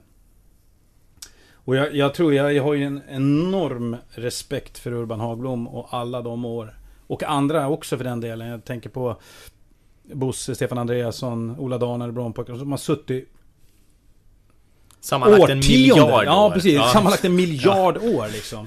Och den var jag nog ganska klar ganska tidigt. Ett par, i alla fall ett par, tre år in att nej, det här gör inte jag i 20 år. Um, men däremot så kommer jag definitivt inte lämna så länge vi spelar Superettan. I och med att vi då åker ut 2008 och sen då 9, 10, Eh, så att vi, vi måste upp till Allsvenskan. Eh, jag, jag, jag får stånga med blodet fram till dess. Man vill inte sluta på nedgång. Nej, mm. precis. Mm. Um, så att jag var, det, var, det var no hard feelings överhuvudtaget. Um, uh, och det fanns, ju, det fanns ju andra möjligheter. Jag hade kunnat vara kvar i föreningen, så det var inte det. Utan det var ju att jag var klar. Jag behövde ta ett steg ut liksom och, och uh, göra annat. Ta ett steg ut och titta på fotbollen ur, ur en annan synvinkel liksom. Och det har jag gjort i över tio år nu snart. Mm. Uppdraget var slutfört? Ja, uppdraget var slutfört. Alltså för mig, för mig var det viktigt att, att uh, vi, vi, vi, måste tillbaka till Allsvenskan. Mm. Um, uh, och sen, uh, och, och där, då var jag liksom mentalt slut. Liksom. Mm. Så jag var, jag var klar. Trodde du att du skulle tillbaka till fotbollen då? Nej men sen, sen är det ju så här att det, det, det, det Eh, faller sig ju samman också med att jag börjar om att få barn igen. Ja, just det. Eh, ja, så jag har ju en sexåring hemma nu liksom och då, och då mm, sju år är han snart. Så att det, det var liksom en, det var en sån tid i livet också att det var ju ganska... Eh, det, hade, det hade liksom inte funkat ändå. Inte, inte, inte enligt mitt sätt att se på det i alla fall. Jag hade liksom aldrig... Jag hade varit alldeles för dålig på, mi, på mitt jobb och jag hade varit för dålig som förälder om jag skulle ha fortsatt så. Så att i det då så har jag ju gjort annat liksom. Eh, och trivs bra med det. Ehm, så att nej, jag hade ingen tanke på att ja, jag ska vila något år sen tillbaka in. Liksom. Nej, det har, det har aldrig, aldrig funderat i de banorna. Sen ska jag inte säga, jag ska inte stänga någon dörr så. Men jag har aldrig haft de tankarna så att ja. nu... Finns det inte lite kompetens som går bortslösad här när du inte har några fotbollsuppdrag? Ja, det beror på vem du frågar. Nej, det tror jag. Alltså det, det, det, finns, det finns oerhört mycket kompetens i fotboll-Sverige. Eh, och det fanns andra, det fanns, jag hade andra möjligheter efter då. Eh, efter Giffarna också. Kan du inte berätta om dem? Nej, för nu är de preskriberade. Nej, ja, nej det är de inte. Är de inte? Det blir de aldrig. Ja, nej men det fanns andra... Eh, andra klubbar. Mm. Så kan vi säga. Det fanns andra klubbar som var intresserade. Men, men som sagt, jag var i ett skede i livet där vi skulle ha barn igen och det var mm. hus och det var... Nej, jag var, och sen var jag mentalt trött liksom. Mm. Så det hade nog varit jätteknepigt och nu tror jag att det är lättare idag, även om det är många som är väldigt förknippade med en och samma förening. Men jag tror att just, just sportchefsrollen, eller managerrollen, eller kalla vad den vill. Den kommer ju liksom att med tid. Hockeyn har ju kommit längre där. De kan ju liksom Värva sportchefer? Ja, värva mm. sportchefer mm. fram och tillbaka. Kan assisterande Ja, precis. Ja. Jo, men det är nog ja. ganska klokt. Mm. Därför att jag tror att du, du blir tvungen att sprida riskerna på den vänster. Alltså, en person klarar inte av alla de arbetsuppgifter som historiskt sett har legat på en sportchef. Om det sen är hockeyn eller fotbollen eller vad det är. Eh, så jag tror att vi kommer dit. Så jag tror att vi, vi står inför närmaste tio åren en organisationsförändring. Liksom. Och jag tycker redan att den bör ske. Tommy Naurin är ju lite assisterande sportchef under den här säsongen åt ja. Urban Hagblom. Eller liksom hjälper till och, och med de sysslorna nu när, ja. när det finns tid från ja. hans andra tjänst. kan vi inte nämna det apropå Tommy? Det här som vi sa innan, ja. Eh, innan podden att Leif Forsberg. Leffe, Leffe i, i podden här när, när han var här så nämnde han att det hade, hade varit en annan sak och, För vi pratade om tröjan nummer 10 då som var mm. pensionerad och mm. det var lite speciellt att pensionera just 10 tyckte han För det hade varit en annan sak om det var 17 eller något annat och, Något annat slitternummer Ja, ja, precis. Och, vilket, och vilka har haft nummer 17? Ja, ja, det är du och det är Tommy Naurin Ja precis, jag måste ta det med Leffe och fråga vad, hur han tänkte liksom vad, Nej men den med tian, den var ju faktiskt med på också. Jag tycker att den är... Eh, om det är tian eller 17 eller 9 spelar mindre roll. Utan mer att, att identifiera att, att Leif, eller hela familjen Forsberg, men Leif, eh, Leif har en oerhört... Eh, det var inget konstigt förut för oss att pensionera tian liksom. Um, och jag tror att den där just att ha nummer 10 som kanske var viktigt för 15, 20, 30 år sedan vi skulle värva spelare. Den, den, den, finns ju inte på samma sätt idag. Och Leffe är, är oerhört viktig för GIF Sundsvall som, som en eh, eh, budbärare av, av GIF Sundsvall.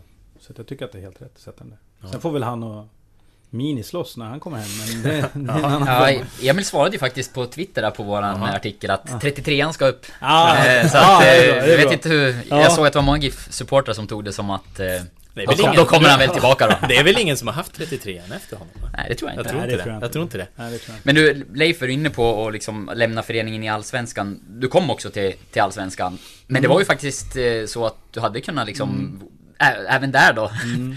Förstört dina mm. egna chanser. Ja, du gjorde precis. mål här eh, på IP, mm. sista ja, matchen 99. En...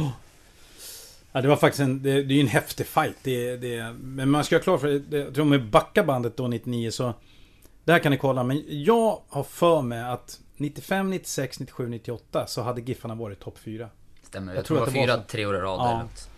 Och så var det Gunnar Samuelsson som tränade 98 och sen så kommer det Grönis. Grönis har en liten tyngd, en pondus, slår näven i bordet, säger att vi måste ha lite andra förutsättningar och så vidare. Så jag står med Leffe nere på upptaktsträffen då, för Leffe var kapten i Giffarna och jag var i Brommapojkarna. Och jag säger bara, det är ert år. Han bara, Leffe, va? Vadå? Vadå? Jo, det är ert år. Ganska sen, bra imitation. Ja, faktiskt. Ja, sen har vi varandra i premiären. ah, just. 5-0 till GIF Sundsvall, tror jag. Jag kommer inte... Jag är dålig på siffror sådär och kommer ihåg resultat. Men jag tror det var 5-0 till Giffarna. Och sen åkte ju de egentligen hela våren och sommaren som tåget. Och sen kom ju det här berömda höstspöket, så det fanns före min tid. Um, och sen den här, så här i efterhand, härliga bataljen mellan då Assyriska och Giffarna. Mm. Eh, men det är också det året när det är sista året för division 1 norra och division 1 södra. Vilket innebar att du var alltså tvungen att vara topp 8 i södra och norra för att få spela superettan från 2000. Och jag tror att det är klart redan två omgångar innan sista omgången att vi i BP var inte en, utav dem. Men då fanns det också, eh, jag tror det var så här, nian och tian, de skulle få så här mycket pengar. Och 11 och 12 skulle få så här mycket pengar och så vidare. Så att ju närmare de här topp 8 eh, kom, ju, ju, mer pengar skulle tillfalla föreningen för året efter. Så ni hade att spela för i alla fall? Hela ja men vägen. vi fick ju en bonus kommer jag ihåg. Innan vi åkte upp till mm. Sundsvall så liksom så här, ja men om ni, om ni vinner den här matchen, för då kommer vi då där, där så får ni en extra slant liksom. Så det var egentligen det enda vi hade att spela för. Och sen ska man ha klart för sig att då på den tiden så var GIF Sundsvall borta. För Stockholmslagen så var det den skitigaste, jobbigaste matchen på hela året. Inte på grund av GIF Sundsvall i sig, utan i Sundsvall gick gränsen. Allt ovanför Sundsvall flög man till. Aha. Till Sundsvall var man tvungen att åka buss. oh. Ja, och då var det bara före vi hade rätat ut E4. Så det var liksom en sex timmars. Du skulle ju käka, du skulle fika, du skulle promenera på vägen någonstans i Hudik och så bla, bla. Alltså det tog hela, det, det, det, var den värsta resan på året liksom. Och kallt var det väl och halvsnö gjorde det. Eh, och så in då i Måste ha varit lerigt och jävligt. Dåvarande Holken som inte hade någon värme på IP på den tiden och, och, och sen är det knökfullt. Det var ju 7, 8 tusen någonting. Jag vet inte, jag vet att jag var där men eh, ja, det var mycket folk. Ja, det var mycket folk. Men, och vi kände ganska fort att vi hade ju ingenting att lira för liksom. Men att det är stirrigt. Det är stirrigt hos Giffarna liksom. Um, men Peter Olofsson i Umeå löste det där ganska bra. Mm. Gjorde mål mot Assyriska, så löste det sig ändå. Mm. Ja, och så hamnade du där. Och, och, Peter Olofsson till slut. Ja, precis. Ja. Dessutom. Mm. Men hur, hur liksom, varför blev det Giffarna? Jag läste någonting om att du jobbade åt något företag ja, i Stockholm men det som hade någon det, har inte med det. Eh, eh, det är egentligen ganska enkelt. Eh, jag var den här generationen som... Jag skulle ju ta Allsvenskan tidigt, jag debuterade tidigt i Brommapojkarna och ansågs vara talang och och jag var på väg till AIK. 91 så går min, min då bästa vän Pascal Simson till AIK. Eh, och sen vinner de SM-guld direkt. Ehm, nej, 92. Vinner de SM-guld 92. Året efter så ringer Stefan Hatten Söderberg mig och då ska jag dit och, och det var inget konstigt. Jag skulle ta AIK. Jag eh, var väl 21 år eller sådär. Kom han med, med limousinen då som typ Petter Nej, Andersson? nej, nej. Ste Stefan finns det ju hur många anekdoter om som helst. Äh, lustigt att inte Ante drog någon, för Ante har en hel drös med anekdoter om Stefan Hatten Söderberg. Ja, men han, han, drog, han drog väl någon va? Han nämndes väl, men det blev inte... Nej, det var... nej, kanske inte Han har ju den roligaste. Mm. Och det är ju när... Ante bodde i lägenheten ovanför Pagge på den tiden. Pascal. Eh, mm. Pascal. Och... Ehm, eh, och det var väl inget bra. Alltså, jag tror... Jag, ja, men, nej, men jag ska säga så här. Jag, ska säga så här. jag tror Ante vittnar om det i podden när han var hos er. För att jag tror att... Eh, eh, Sundsvall var lite för litet för han. Stockholm är lite för stort för han. Malmö är hans andra hem. Han trivs oerhört bra i Malmö. Det är lagom stort och det passade Ante. Han mådde inte bra i Stockholm. Och så kommer han ju då hem då... Är det på sommaren 98 va? Tror han kommer tillbaka mm. till GIF Sundsvall liksom. På hösten 98 så spelar ju Då är ju Stuart Baxter tränare och då spelar de Champions League. Det var då de hade Barcelona, mm. Arsenal och mm. allt det där. Och jag tror det är mot Barcelona, Ante får rätta mig om jag har fel här. Jag tror mot Barcelona så är Ante nere, så han står i katakomberna där på Råsunda. De har spelat mot Barcelona eller Arsenal. Och så kommer Stefan med sin säregna röst. Ah fan! Hörru Ante, det här skulle du varit med på! Och Ante då, ja men släng fram mitt kontrakt då. Haha, den var kul! Och det är också en bra imitation! Ja, den är, det, inte, det, den är inte dålig. Uh, nej, men så att uh, 92 var på väg till AIK. Uh, stannade kvar, slet av med hälsenan. Ganska omgående, 92. Och sen helt plötsligt så går det bara en, en jäkla massa år. Det händer liksom ingenting. Uh, och sen helt plötsligt är man 28 år, tvåbarnsfar. Um, det ligger inte, och gör en bra säsong 99 och då fanns det ett antal, eller det var ett antal klubbar som hörde av sig. Men det var Giffarna som spelade Allsvenskan. Mm. Så enkelt var det. Så det var ju liksom bara, och, och jag hade bestämt, jag, jag vill nå Allsvenskan liksom. Mm. Stort beslut då ändå liksom, ja men som du säger, det hade blivit 28, familj... Ganska ingrodd stockholmare. Ja, ja, oh ja. Det, det, oh ja. Då var vi väl, då var vi väl helt klara på att vi flyttade upp ett par år, sen flyttade vi hem. Nu är alla kvar fortfarande, även min fru. Så att, eh, men nej, jag tror vi var nog ganska klar eh, på att ska jag någonsin få göra det här så då är det ju bara att packa ihop och åka. Liksom. Hem kan vi alltid åka. Det är 20 år sedan. Mm.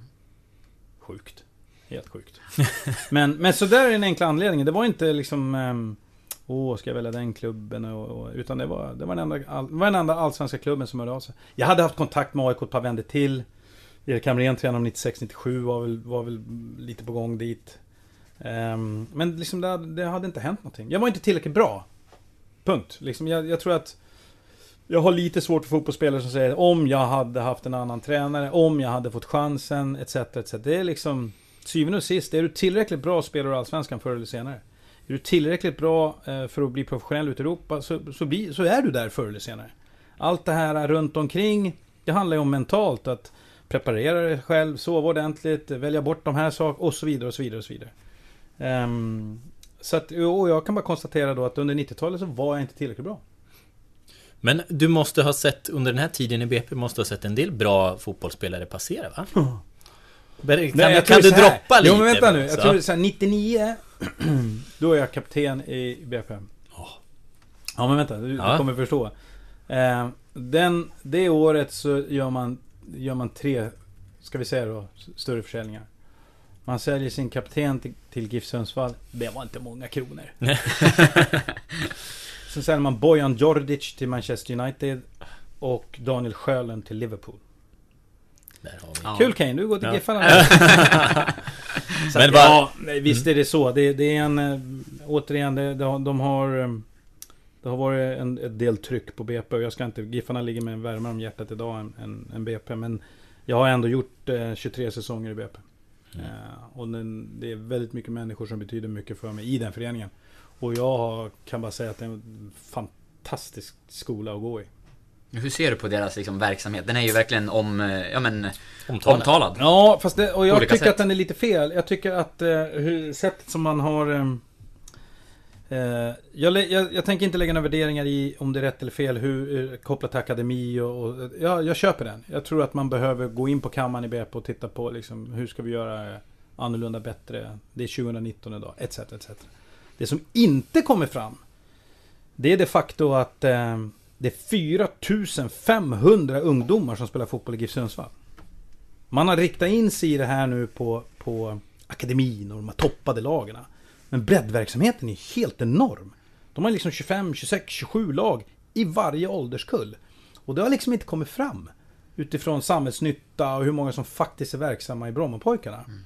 Och det kan jag tycka är lite synd. Sen håller jag med om att ja, ni behöver nog titta och fundera på hur ni ska hantera den här verksamheten. Men det finns ju en enorm breddverksamhet. Mm. Mm. Hur upplevde du den då när du liksom tog dig upp där? Ja, bra fråga. Um, nej, för mig var det alltid... Jag bodde liksom ett stenkast, uppvuxen ett stenkast från Grimsta IP. Tränat där hela mitt liv. Um, åkt, åkt runt i BP's 71 var ju var en bra årgång. Um, vi åkte runt och, och säkerställde att vi skulle vinna turneringen. Så jag är, jag är definitivt en av de här som har varit i, i då BP. På den tiden hette det inte Akademi utan var BP1. Ja. Um, och jag spelade i det hela min uppväxt liksom. Åkte till en turnering och vann. Vann vi den inte så åkte vi dit året efter bara för att vinna den. Alltså det var, det var så Mm, liksom. Jag har vunnit Gothia Cup tre gånger. Jag har vunnit Sankt Erikscupen åtta gånger. Alltså det... Jag är skolad i den, i den skolan, helt Mm. klart. Eh, och, och återigen säger jag då att man, kan, man behöver nog titta på den, den delen, vilket man nu säger att man ska göra. Jag tycker dock att det är lite synd att man inte fick med då i det i, i eh, när man nu jagar om att det faktiskt sker mycket annat i den här föreningen också. Som är fantastiskt bra. Mm.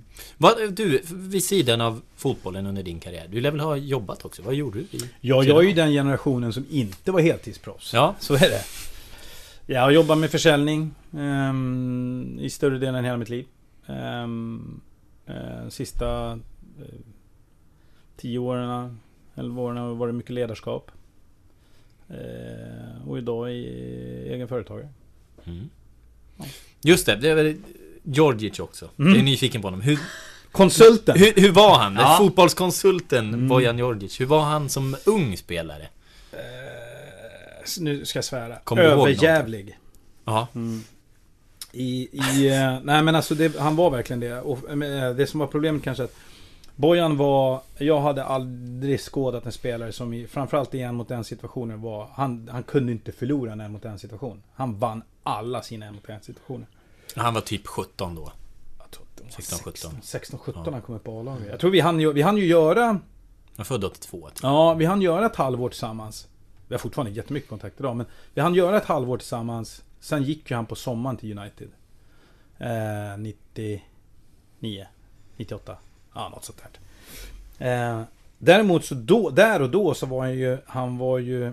Det är en sak att göra en övning när man skulle göra en mot en övningar liksom. Då vann han jämt.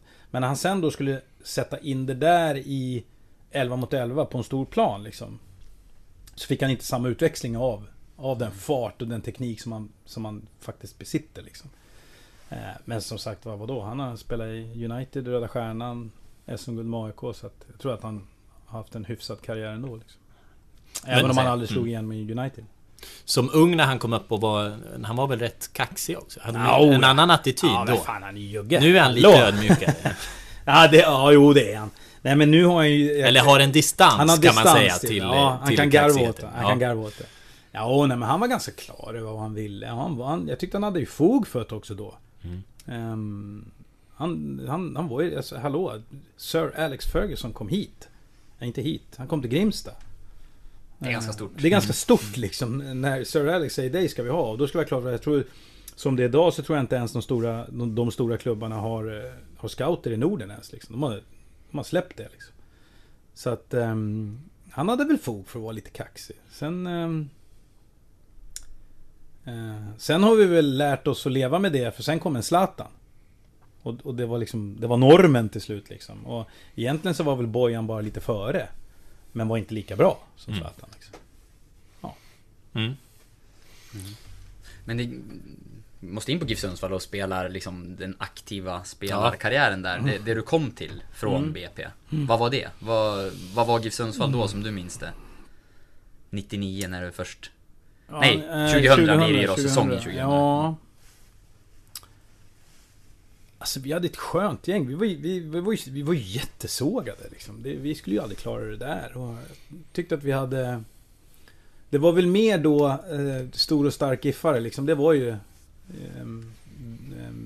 eh, vet, det myntades säkert innan men... men ehm, eh, jobbade hårt för varann. Det var ju revolutionerande när Anders Grönhagen skulle sätta upp diamant liksom. Kommer du ihåg det här? Från 4-4-2 till 4-4-2 med diamant. Eh, Men vi... vi Hur kan eh, man mixtra? Ja visst vet du. Så jag fick ligga som någon sån här falsk tia. Eh, och sen hade jag Joel bakom som skrek på mig när jag inte, när jag inte jobbade tillräckligt bra. Ehm, men, nej men vi hade, det var ett skönt gäng liksom. Vi, vi, vi gnuggade hårt för varandra. Var klara över att vi kommer greja det. Eh, konstigt man kan få en känsla i en grupp liksom att... Jag tror, jag tror aldrig vi var riktigt hotade även om liksom... Jag tror till och med att vi, vi klarade kontraktet näst sista omgången eller si, Tre omgångar från slutet eller något sånt där. Det började väl bra? Ni hade någon eh, bortaseger, bara Hammarby borta? Bayern borta. Ja. Fullsatt Bayern borta. Eh, det var ju på den tiden, fan ni för unga vet du, men det var ju då Bayern hade videojuggar. Jo då. Ja, mm. ja, de hade ju två videojuggar. Eh, det var ju Sören Kratz ja, på precis. den tiden va, som tränare. Men, eh, nej, så vi vann 1-0 borta. Dennis Östlund kanske gjorde målet. Ja, jag tror det är Dennis som gör målet. Vann med 1-0 borta. Sen, ja, sen tror jag vi... Ja, säga att det gick bra i början är väl att ta i liksom. Men vi vann, vi vann mm. premiären, ja, ja, det gjorde vi. Precis. Eh, sen tragglade väl vi på genom året då. Um, och var ju, vi låg i bottenregionen, det var inget snack om, om saken. Men jag tror aldrig vi var under strecket. Jag, vet, jag, kommer, jag tror inte vi var under strecket. Men det var väl året efter som ni klarade er i sista omgången då Hammarby var här och säkrade ett SM-guld samtidigt? Året efter så hade... Nej, de var redan klar. Alltså, de var här och firade De var här och firade. och, tur, och tur var nog det. Jag tror att de, de var ju klar eh, SM-vinnare veckan innan. Och vi behövde minst en poäng. Och jag tror att de hade haft kul en vecka. De var, de inte riktigt, de var inte mentalt på topp liksom.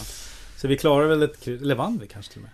Jag minns bara att det var en häftig match för att det blev liksom dubbelt firande någonstans efteråt. Ja, Hammarby hade ju med sig en hel del ja, fans precis. som ville upp och liksom Och så höll de på att bygga om IP då också. Exakt. Um, nej, så den, och där klarade vi oss också. Sen är det väl 2002, det är ju Per Johans första år, då går det ju... Då går vi riktigt bra tror jag. jag kommer inte ihåg riktigt var vi kom, men, men det var, då var det liksom då gick vi över och spela 4-3-3, någonting som jag då aldrig mm. fann mig riktigt i. Eh, men sen är det 2003 och det är väl en, jag tror det är historiskt för så lite poäng som vi hade då. Och lyckades ändå hamna på kval därför att Enköping och... Var det Öster? Jag kommer ihåg jag tror att det var svaga. Enköping var. Ja, jag det... tror att det var klart redan med 5-6 omgångar att, ja. att uh, vi kommer kvala liksom. Um, sen är vi kvalet mot Häcken va? Tobbe Hussein. En, en ung Tobbe Hussein. Uh, Kim var inte kvar då. Kim hade gått till Djurgården. Dooley Jansson och de tror jag var det. Ja, stämmer, det stämmer nog. Vad är bästa minnena då? Från, från spelarkarriären i GIF? Vad sticker ut liksom när du tänker tillbaka på åren som du gjorde? Ja, jag vet inte. Alltså enskilda matcher sådär, mål sådär, har jag aldrig, det har jag aldrig intresserat mig för riktigt. Men eh, jag tror nog när vi, alltså 2000 när vi ändå så sågade som vi ändå var, liksom klarade kontraktet. Det var, det var häftigt alltså. Det var riktigt häftigt. Eh, annars vet jag inte om jag... Nej, det är väl det, kanske det, det största egentligen. Mm. Jag säger det, jag, jag, jag, jag kommer ju inte ihåg mål och matcher generellt sett. Alltså det är... Jag är oduglig på det. Går du aldrig tillbaka och kolla heller? Och liksom försöker minnas tillbaka någonting Nej. på det? Min son Kevin brukar kolla på sådana här highlights Allsvenskan 2001 liksom. Eh, nej, jag, jag, lever, jag lever inte i det förgångna inte. Eh, så jag är kanske lite för dålig på att titta på vad man, vad man historiskt sett har gjort då, men... Uh, nej. Och där har väl egentligen skälet till det här, jag tyckte det var, det var ju roligt i fjol när folk, eh, när Linus gick om och så var det ju som att folk eh, kom fram till mig ungefär som jag hade förlorat en hund eller någonting. Liksom. Hur känns det här? Liksom? Och ingen, ingen kunde ha varit mm, tvärtom. Liksom. Jag tror ju att här är ju skälet till att vi har varit ett jojo-lag under egentligen hela 2000-talet. Att vi faktiskt aldrig har lyckats haft en, en målskytt, en forward som har legat runt 12, 13, 14, 15 mål. Alltså vi är, vi är tre stycken sedan 1965 som har gjort nio mål. Mm. En och samma säsong. Kjell Eriksson 65, jag tror Wallerstedt gjorde 2004 och jag gjorde 2000. Alltså vi har aldrig haft en spelare i Allsvenskan som gjort mer än nio mål. Och, um, ja det säger ju någonting. Ja det säger ju mm. någonting liksom. Och jag tror att jag gjorde studier tio år efter att Superettan hade startat. Där skyttekungen i Superettan. Som kanske låg på 15, 16, 17, 18, 19 mål i Superettan. Som oftast då var något av topplagen som gick upp i Allsvenskan. Hur många, hur många mål genererade det sen då året efter i Allsvenskan? Mm. Därför att man som förening gick ju, ja men fan vi har ju Kalle här, han har ju gjort 20 mål. Så vi, det är lugnt med forward, vi har ju en skyttekung även när vi kommer till Allsvenskan. Och då var det någon studie som visade att 15, 16, 17 mål i Superettan, det genererade 5-6 mål i, i Allsvenskan. Där har du skillnaden liksom. Och vi har aldrig haft någon som har Kane har gjort 18 mål. Jag gjorde 18 mål på 5 säsonger. Det är 3,6 mål per säsong. Det är ju liksom inget hänga i gran, det är det inte. Um, Och, och, och även då när vi har haft Pa, vi har haft Johan Eklund. De liksom var ju... Gjorde ju en hel del mål i Superettan men kunde inte riktigt förvalta det på samma sätt i Allsvenskan. Linus är ju den första ordentliga striken som vi får hem liksom som... Och även Leffe. Mm. Leffe, var ju, Leffe har ju egentligen aldrig varit målskytt, det tror jag kan erkänna själv. Han är ju en lirare liksom. Han sa väl till och med flera assist än mål, Ja, precis. Ja, alltså, ja. Men en Cruyff-vändning och, en, och en klack till, en, till Nass liksom. Och det är väl det som är problemet. Jag vill, alltså, Linus han vill ju göra mål. Han är ju förbannad på Joel i fjol för att han inte fick lägga straffarna. För då hade han gjort 25. Och det är liksom det här som är... Sen, sen ska jag nog säga att... Jag tror inte folk fattar. Jag tror inte man ska nödvändigtvis eh, ta för givet att han ska göra 18-20 mål i år.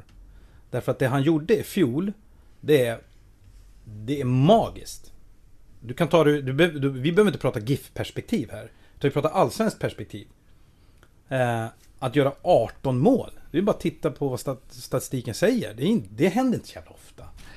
Um, men kan man få en Linus att göra 12 15 mål varje år. Ja men då har du den här mm. kontinuerliga striken liksom.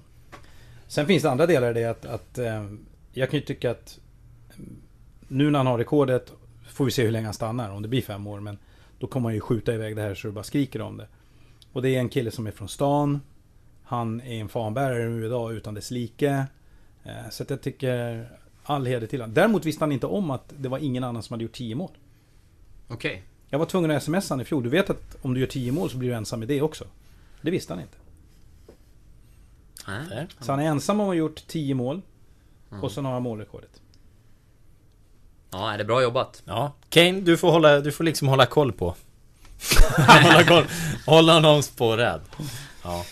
Nej men, och vi börjar, vi börjar sticka iväg här, vi är över 1.20 nu så vi ska, vi ska börja runda av men... Eh, men speciell gäst, man, det finns både, ja men spelarkarriären och det är sportchef och det är... Det TV! att prata om. Ja, TV. TV, och nu... Ja, men det är inte många som har haft så många, många beröringspunkter. Ja, det är en högkompetent åskådare. Om man mm. tänker, du har ju fog när du Kon skriker. Konsult. Konsult. Ja. Mm. Men du, kan du inte bara ge oss några, jag vill ju ändå ha några sådär gamla namn liksom. Vi, bästa du har spelat med i Giffarna, om du får plocka fram några namn. Oj! Vi vill ha lite nostalgi Oj, och ja, lite oh. namedropping här. I Giffarna? Ja. Ja, eller? Jo, Giftpodden oh, vill jag ja, ja, absolut. nej, men jag måste Karriären säga nu, nu jag fick lite för få säsonger till en kär vän eh, med Leif Folke Enar Forsberg. Eh, men eh, för han var trasig, han var gammal. Men han var trasig mycket de sista åren. Men, det är han fortfarande. Leffe, ja, precis. Det är han fortfarande. Jag kan inte sitta Men Leffe i sin, i sin prime är ju, var ju magisk. Alltså. Det var han. Jag mm. tror... Eh, eh, våren 2000, då är han ändå fortfarande hel. Sen fick han hälseneproblem och så med knäna och sådär. Men våren 2000, då är han ju...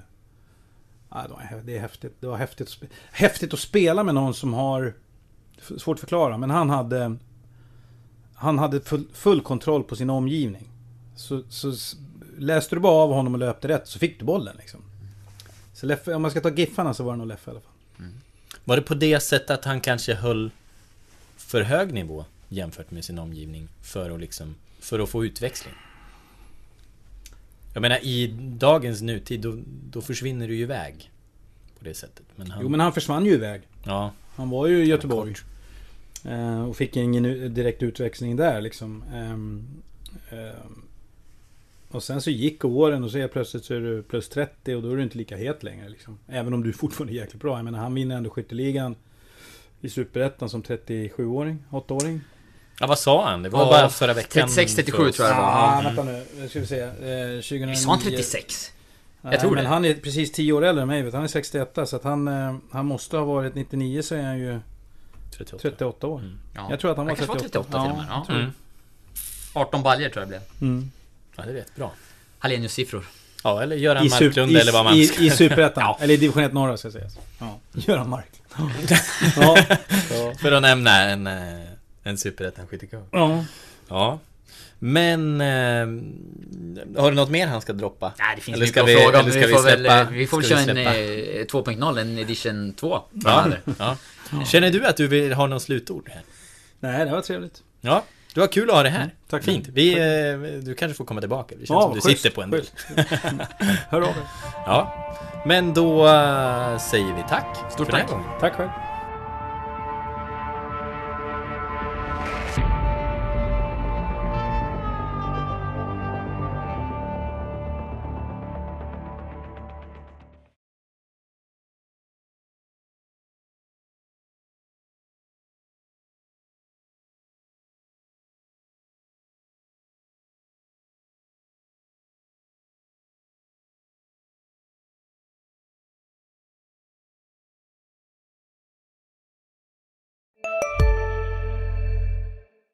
En yogamatta är på väg till dig, som gör att du för första gången hittar ditt inre lugn och gör dig befordrad på jobbet men du tackar nej för du drivs inte längre av prestation. Då finns det flera smarta sätt att beställa hem din yogamatta på. Som till våra paketboxar till exempel. Hälsningar Postnord. Hej! Är du en av dem som tycker om att dela saker med andra? Då kommer dina öron att gilla det här. Hos Telenor kan man dela mobilabonnemang. Ju fler ni är, desto billigare blir det. Skaffa Telenor familj med upp till sju extra användare. Välkommen till någon av Telenors butiker eller telenor.se.